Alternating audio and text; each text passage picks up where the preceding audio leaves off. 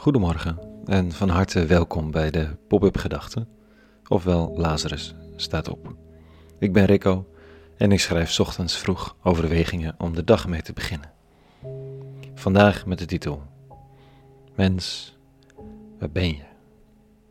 Pop-up Gedachten dinsdag 8 december 2020.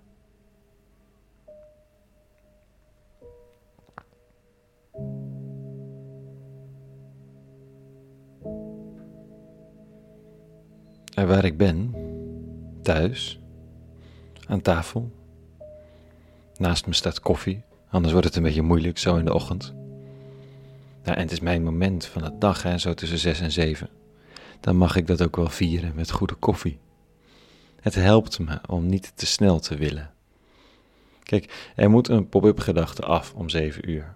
Dat is de challenge elke keer.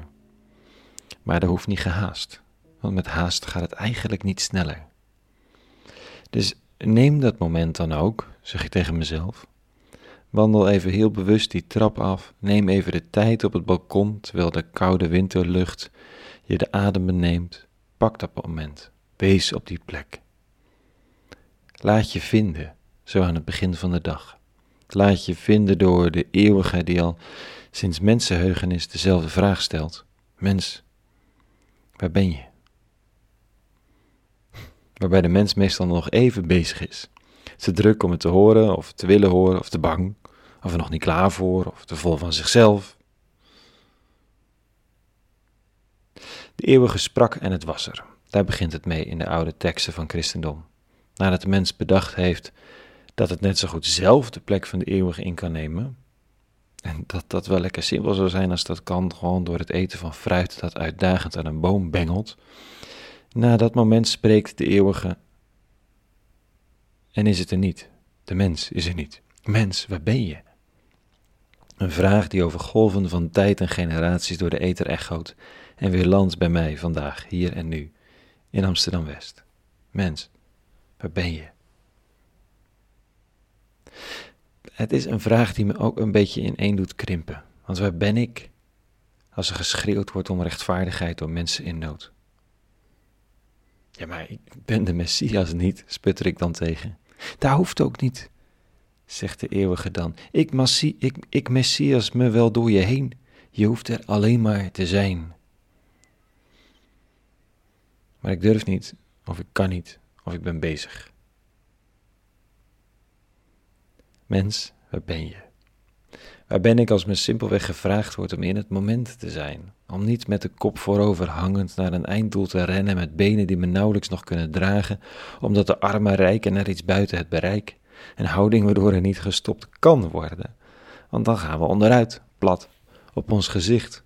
En we stormen langs schoonheid en uitdaging, langs knipogen van de eeuwige en momenten van rust. Ze zijn al voorbij voordat we er erg in hebben, totdat we omkijken struikelen, neergaan, als een blok tegen de aarde slaan en voorlopig even niet meer weten hoe het licht aangaat. Pas na een lange periode van rust houdt het galmen in het hoofd weer op en wordt door de burn-out klachten heen de stem weer gehoord. Hé, hey, mens, waar ben je? Het vooruitstormen, het niet beschikbaar zijn, mijn eigen afwezigheid, wat is dat toch? De filosoof Blaise Pascal zei het al in de 17e eeuw. Je, zou zeggen dat de mens toen zonder beeldschermen en eindeloze mogelijkheden een wat meer geaard leven zou leiden, maar niets is minder waar. Pascal zegt dit. Alle ellende van de mensheid komt voort uit het feit dat we er niet in slagen om rustig in een kamer te blijven zitten. Sinds dat de tekst, juist in coronatijden, de mens die kan blijven zitten, als de eeuwige door de hof wandelt en zich niet verbergt of te hard bezig is of op een andere manier afwezig. Dit staat er. Nadat Adam, vanochtend, Genesis, nadat Adam van de boom gegeten had, riep God de Heer de mens, waar ben je? Hij antwoordde, ik hoorde u in de tuin en werd bang, omdat ik naakt ben. Daarom verborg ik me. Bang om gevonden te worden in kwetsbare naaktheid. Onzeker over de vraag of er wel voldoende genade, voldoende plek en ruimte is voor mij. Of ik wel wil dat er ruimte is voor mij, omdat ik dan misschien wel door het stof moet. En ik wil niet door het stof. Dat doet die oude slang maar. Die verleider van mij. Ik red mezelf wel. En het echoot. Mens, waar ben je? En als de mens verborgen blijft totdat de stem verdwenen is en doorgaat op zijn weg van overleven, is het koud en hamert dit verlangen om gekend te worden, geliefd te zijn, niets te hoeven aan de binnenkant van de schedel en op de muren van het hart.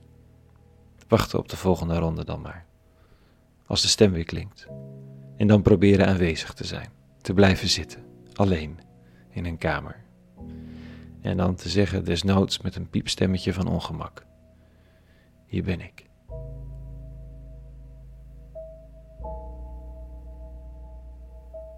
Tot zover vanochtend. Een hele goede dinsdag gewenst. En vrede en alle goeds.